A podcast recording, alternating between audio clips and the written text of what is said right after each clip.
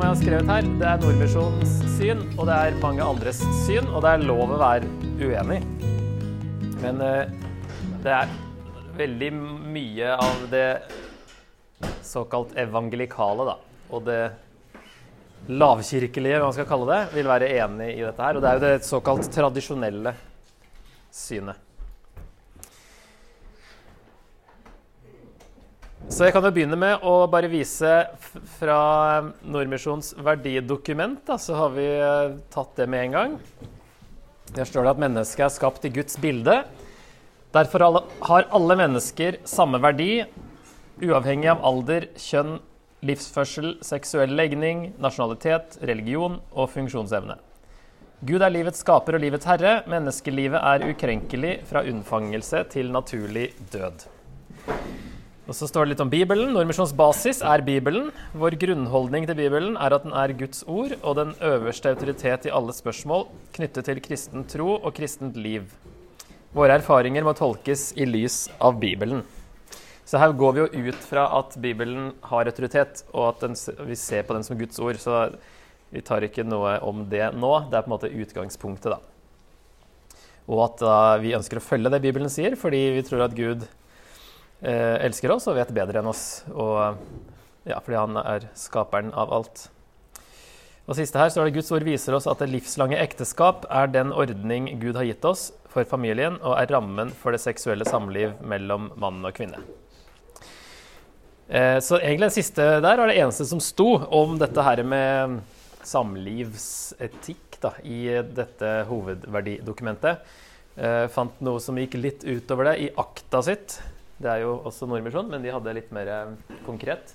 Når Gud har gitt oss ekteskapet mellom mann og kvinne som ramme for det seksuelle samliv, er også samboerskap og sex utenfor ekteskapet i strid med Guds vilje. Det samme gjelder homofilt samliv. Seksuell legning er ikke synd. Homofile som ønsker å leve etter Guds ord, er derfor på lik linje med andre velkommen inn i tjenesteoppgaver. Skilsmisse er et brudd på Guds vilje, men ifølge Bibelen kan skilsmisse i en del sammenhenger være det minste av flere onder. Akta åpner også for gjengifte i noen tilfeller. Så disse tingene skal vi da snakke om i dag. Så eh, først så ser vi på ekteskap. Ekteskap i Bibelen. Eh, og da kan vi gå helt til starten. Første Mosebok. Her er en struktur av Første Mosebok. Den er eh, strukturert eh, med en prolog først, hvor Gud skaper verden. Og så kommer det ti sånne slektshistorier. Det er overskrifter på en måte som eh, forfatteren sjøl har lagt inn. Hvem nå det var.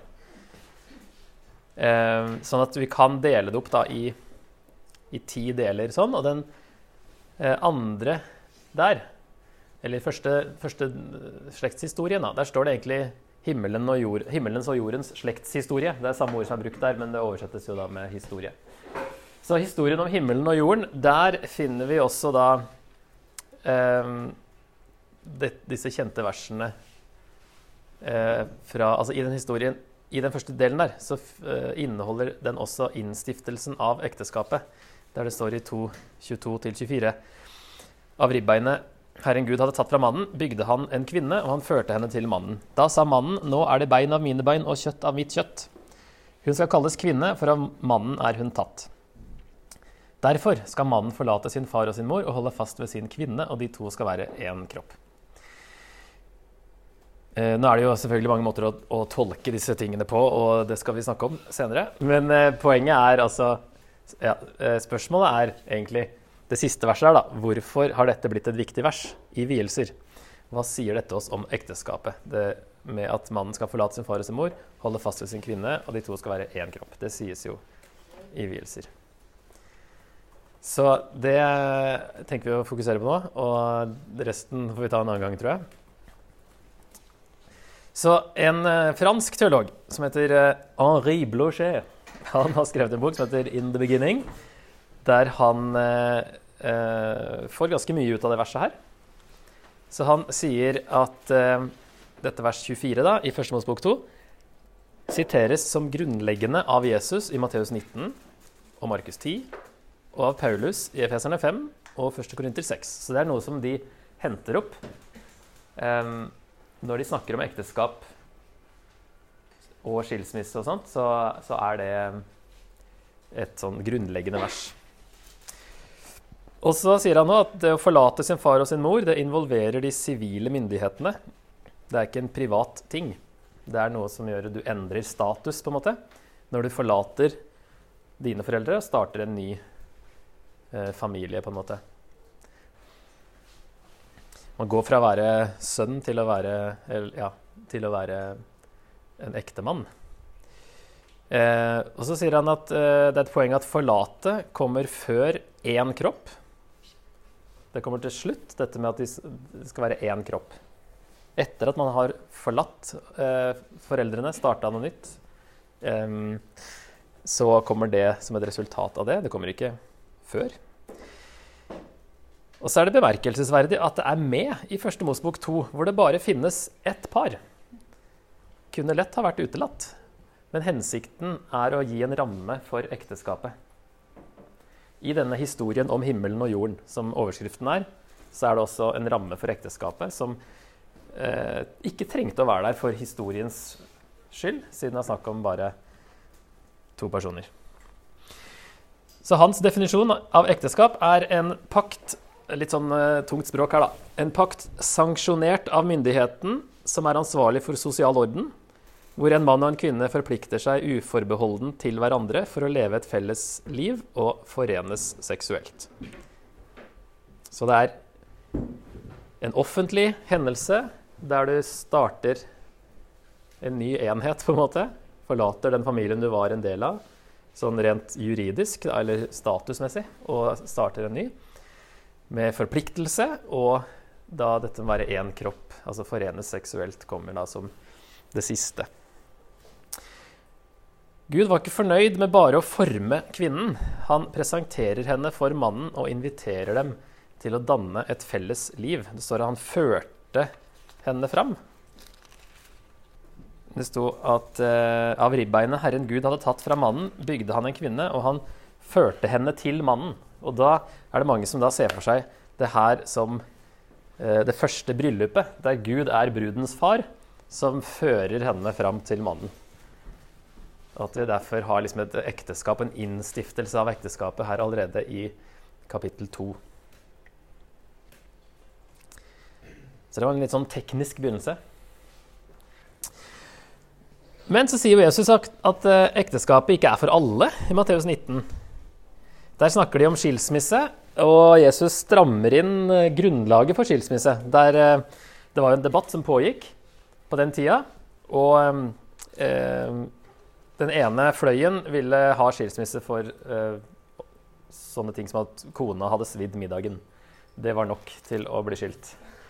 Mens eh, Jesus tar heller side med den mer eh, strikte gjengen som eh, mente at det skulle mye mer enn det til. Og det her var jo en debatt om hvordan man skulle tolke ett ord i Moseloven, i skilsmisseloven i Mosebøkene. At, eh, at, hvis hun gjør noe som byr ham imot Ok, hva er dette? Men byr ham imot? Ja, det kan være svidd middag for noen. Så da var det som Hva skal dette ordet bety?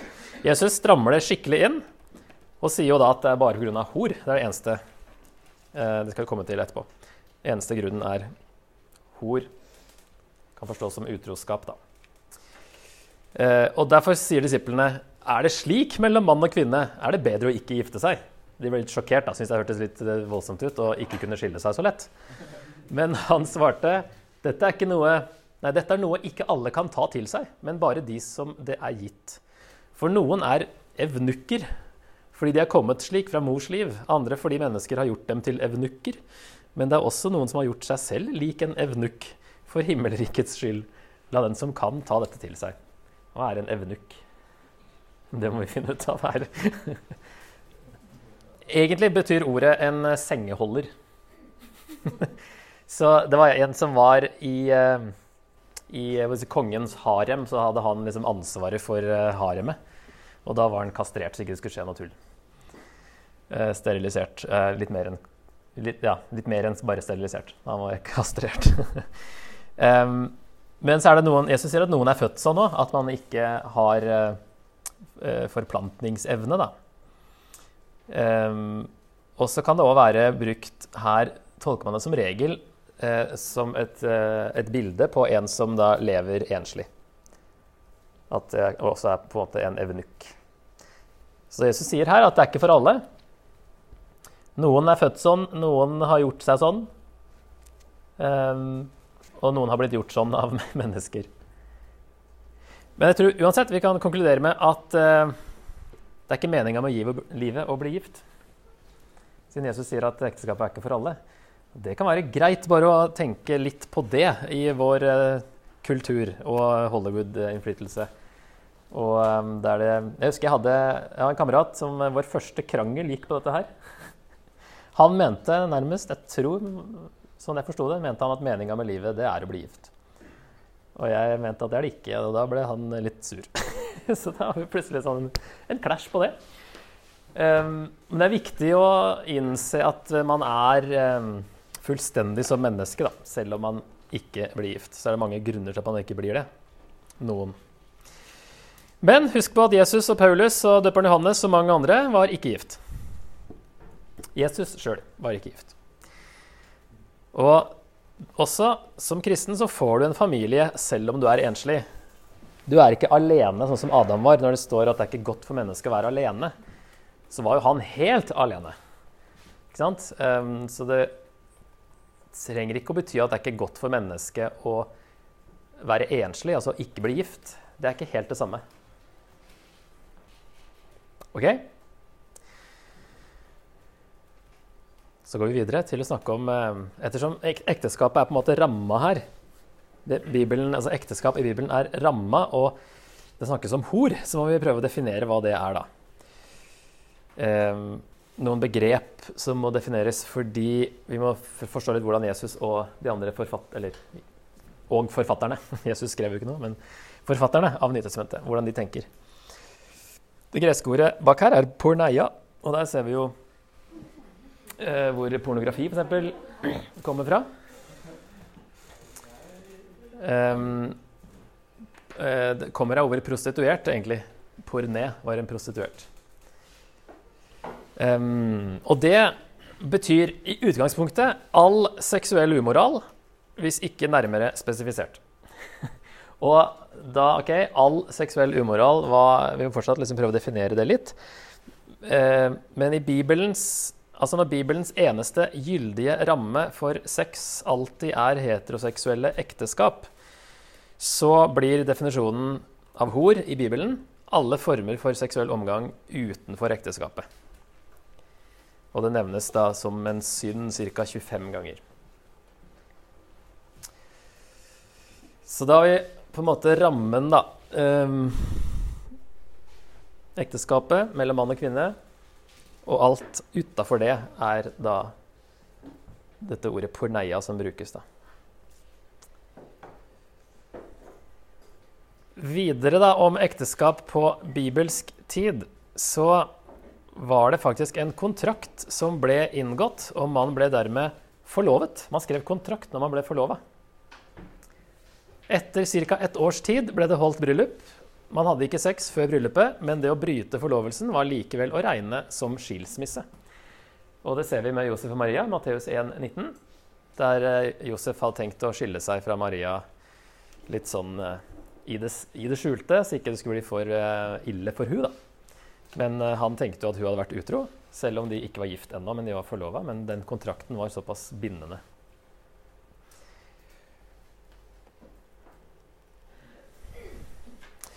Som gift så ble man beskytta av både jødisk og romersk lovverk.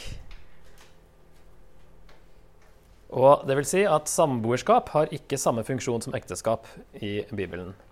Man ble ikke såkalt gift i Guds øyne, som uh, man kan høre. At man tenker sånn at jo, når man har sex, blir man gift i Guds øyne. Derfor er det ikke så viktig å gifte seg. Man ble ikke det kun ved å ha sex. Man måtte binde seg skriftlig først. Og ekteskapet brukes som et bilde på forholdet mellom Jesus og menigheten, f.eks. i Efeserne 5. I Moseloven så leser vi jo at hvis det, var, eh, hvis det hadde skjedd noe sex utenfor ekteskapet, så måtte man eh, gifte seg. Fordi da hørte de to sammen. Da hadde man liksom eh, kommet dit man skulle uansett, ved å være gift. Så i dag så er det fortsatt, det samme, fortsatt ekteskap som gir den samme beskyttelsen. Selv om tradisjonene for uh, bryllup og sånt er uh, forskjellige.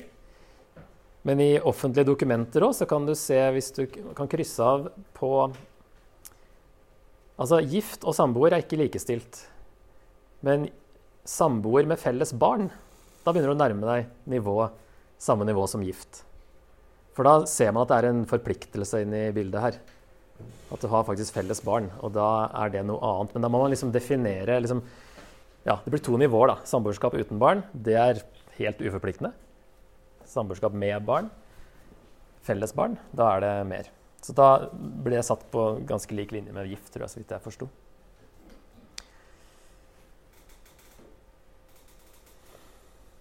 Så hovedforskjellen er jo forpliktelsen som ligger i ekteskapet, da, og i Bibelen så lå det også i forlovelsen. Og når det er et teologisk poeng med ekteskap, så er det jo viktig å holde på det sånn Gud har ment det. Sånn som det brukes av Paulus, f.eks. Ja, jeg bare kjører på. I 1. Korinterbrev 6 så sier Paulus eh, Vet dere ikke at eh, kropp kroppene deres er Kristi lemmer, skal jeg, ta, skal jeg da ta Kristi lemmer og gjøre dem til en hores lemmer? Det må ikke skje. Eller vet dere ikke at når noen holder seg til en hore, blir de én kropp? For det står 'de to skal være én kropp'. Men den som holder seg til Kristus, blir én ånd med ham. Hold dere langt borte fra hor. Vet dere ikke at kroppen deres er et tempel for Den hellige ånd, som bor i dere, og som er fra Gud? Dere tilhører ikke lenger dere selv, dere er kjøpt og prisen betalt. Bruk da kroppen til Guds ære. Um, men Paulus sier her at um, Ja, jeg viste kanskje det her eh, sitatet her òg til alle. Ja. Nemlig. Da kan vi um, gå fort gjennom det. Men uh, altså dette med at Ja. Vi har ingen rett til sex, som står mot midten her. Kirken gir deg det privilegiet i bryllupet. Bryllup gjør oss lov til å ha sex med noen. Altså det at du forener både Jesus og menigheten og Den hellige ånd som bor i deg, med eh, den du har sex med. Og det er liksom da eneste tillatelsen som gis i Bibelen, da, er eh, i ekteskapet. Ellers er det en mye mer kollektiv tanke, dette her. Du kan ikke bare gjøre som du vil. Eh, yes. Ok, Skal vi ta litt litt om uh, gjengifte, da? Det er skilsmisse og gjengifte. For skilsmisse er jo én ting, men gjengifte er en annen ting. Eh, som da for så vidt henger sammen med skilsmisse. Men det Jesus sier i Matteus 5 i bergprekenen, den som skiller seg fra sin kone av noen annen grunn enn hor, han blir skyld i at det begås ekteskapsbrudd med henne. Og den som gifter seg med en fraskilt kvinne, bryter ekteskapet. Så er det tre ulike syn som da kan sies å baseres på Bibelen. Da. Det er at eh, skilsmisse er lov pga. hor, utroskap, som Jesus sier her. Men gjengifte er alltid galt, uansett. Eller i de tilfeller skilsmissen skjer pga. hor, så er gjengifte ok for den såkalt uskyldige part, den som da ikke har eh, drevet hor. Jeg pleier ikke å bruke uttrykket så veldig vanlig. Drevet hor, det er et veldig bibelsk uttrykk. Eh, så den som har vært utro, da. Eh, så han, som, han, eller hun som ikke har vært utro, vil da eh, ha lov til å gifte seg igjen. Og så vil noen si at uh, ser at Paulus gir et unntak til. og Det for så vidt jo, det gjelder jo for 1 og 2 også her. da, At um, Paulus kommer med et unntak til i 1. Korinter 7, der det er snakk om den hvis det er en er kristen og en ikke-kristen. Så hvis den ikke-kristne vil skilles, så er det greit. Uh, og da vil noen ta prinsippet i nummer to og forlenge det til f.eks. mishandling. Da. Og det jo, høres veldig fornuftig ut. At man kan skille seg hvis man er i et eh, voldelig ekteskap, og så da kunne få lov å gifte seg igjen. Så her er det nok kanskje de tre som da tar utgangspunkt i Bibelen, men som da i hvert fall har disse to Altså de to, de to unntakene som gis i Bibelen, er jo utroskap og hvis den ikke-kristne vil eh, skilles. Og så er det da en som tar det videre til ting som ikke nevnes. Når Paulus kan legge til én ting, så tenker man at da kanskje vi òg kan dra den litt lenger, da. Men fortsatt baserer det på bibeltekstene. Ja. Men så blir spørsmålet uh, gjengifte um, Altså fordi det sies jo ikke tydelig at uh, noe snakk om om man kan gifte seg igjen. Uh, sånn at den første tolkningen her sier at uh, det er alltid galt, siden det ikke sies eksplisitt at du kan gifte deg igjen etter en skilsmisse, selv om skilsmissen liksom er gyldig og lovlig i, ut fra Bibelen. Um, så vil andre si at det var en ting man tok for gitt. Se f.eks. her i noen jødiske skilsmissepapirer. Så var det ca. sånn som det her. Jeg M, mann, skiller meg fra og frigir av egen vilje i dag du, kvinne, som har vært min kone før. Du er fri til å bli ektefellen til hvilken jødisk mann du måtte ønske. Dette er for deg et skriftlig frigivelsesdokument og skilsmissepapirer. Så man kan jo argumentere at eh, skilsmisse eh, var nesten synonymt med retten til å gifte seg igjen. Og at når Paulus ikke sier noe imot det, så vil det bli tatt for gitt at da betyr det at man kan det, hvis man er skilt på lovlig bibelsk grunn. Mm. Men det Paulus Jesus gjør, da, hvordan skal vi få til det? At den som gifter seg med en eh, Da vil man tenke at det er i de andre tilfellene når det ikke er pga. hor eller utroskap. Ja. Siden han kommer med det unntaket. Ja. ja så er det da at ja, virker som Jesus sier at i alle andre tilfeller så er det på en måte ekteskapsbrudd å gifte seg med en som er skilt. Um, hvis det bare er liksom Nei, vi bare valgte å skilles. på en måte. Um, for å oppsummere denne første delen, det rakk vi ganske bra. Det er fint. Um, fant en ting på sennep.net på Instagram. Uh, der uh, for noen uker siden det er ikke vi, men Gud som har skapt sex og gitt den sin betydning. Vi kan tenke på den seksuelle foreningen som et språk, der mannen og kvinnen sier til hverandre Jeg gir meg selv til deg, totalt uten forbehold, for resten av livet. Jeg er villig til å stå ved din side og oppdra det barnet som måtte komme som frukt av vår forening. For det er ikke vi, men Gud, som har skapt sex og gitt den sin betydning. Akkurat som det er mulig å si noe uten å mene det, så er det mulig å ha sex uten å mene det, men da lyver vi med kroppene våre. Jeg syns det var veldig interessant sagt. Og mine tanker her, da, på sida. Vi vil aldri få helt til å definere rammene for sex så lenge vi ikke anerkjenner hva Gud sier om det. Logikken blir inkonsekvent. F.eks. da metoo. Eh, kalte det for asymmetriske forhold. Altså, hvorfor var det galt? Når man ikke kan kalle det for synd, så må man finne ut noe annet som gjør at det er galt. Ja, det er asymmetriske forhold. At det er en i en maktposisjon som, som utnytter det, osv. Så, videre. så det ble liksom sånn Man måtte gå seg til litt for å finne ut hvorfor det var galt i det hele tatt. Ut fra mange andre verdier som, som man holder, da, så skulle jo ikke det her Hvorfor er det her plutselig galt?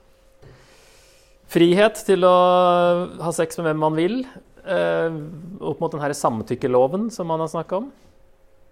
Hvordan, man, hvordan verden skal man håndheve den? Vil man likevel påstå at uh, jo, det var samtykke? Nei, det var ikke samtykke. Altså, det, vet ikke om det hjelper så veldig mye. Medfødt eh, legning eh, opp mot kjønnsfluiditet, som det heter. At flytende kjønn. Man kan velge kjønn. Det henger jo ikke sammen med at man er medfødt homofil, f.eks. Som andre vil påstå. Da. Så det, det blir fort at det ikke henger sammen, fordi man skal prøve å definere det sjøl. Og det blir vrient. Og så blir det tydeligvis barn av at, mann, av at, en mann og en kvinne har sex. Derfor er det innlysende at å løsrive det fra ekteskap, kjærlighet og forpliktelse vil føre til vanskeligheter. Altså, det er så lett å lage noe så komplisert. Det er helt utrolig at det kan liksom Plutselig så er noen gravid. Altså det, er, det skal så lite til, og så blir det noe så komplisert ut av det.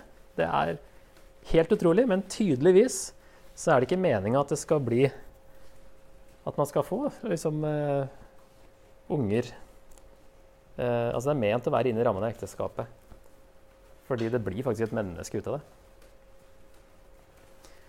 Så ekteskapet vil jo uh, ganske greit ta vare på barn som kommer ut av det, som det står her. Mye ville vært unngått hvis vi ikke hadde gjort dette, altså løsrevet det fra ekteskapet. Enslige foreldre, uønskede graviditeter, kjønnssykdommer osv. Veldig mye som kommer av at vi har skilt Eller at den, denne seksuelle revolusjonen da, har skilt eh, eh, sex fra ekteskap. Men om vi har gjort noen tabber i livet, er Guds nåde ny hver dag. Vi er også kalt til å elske og hjelpe hverandre, ikke dømme og utstøte.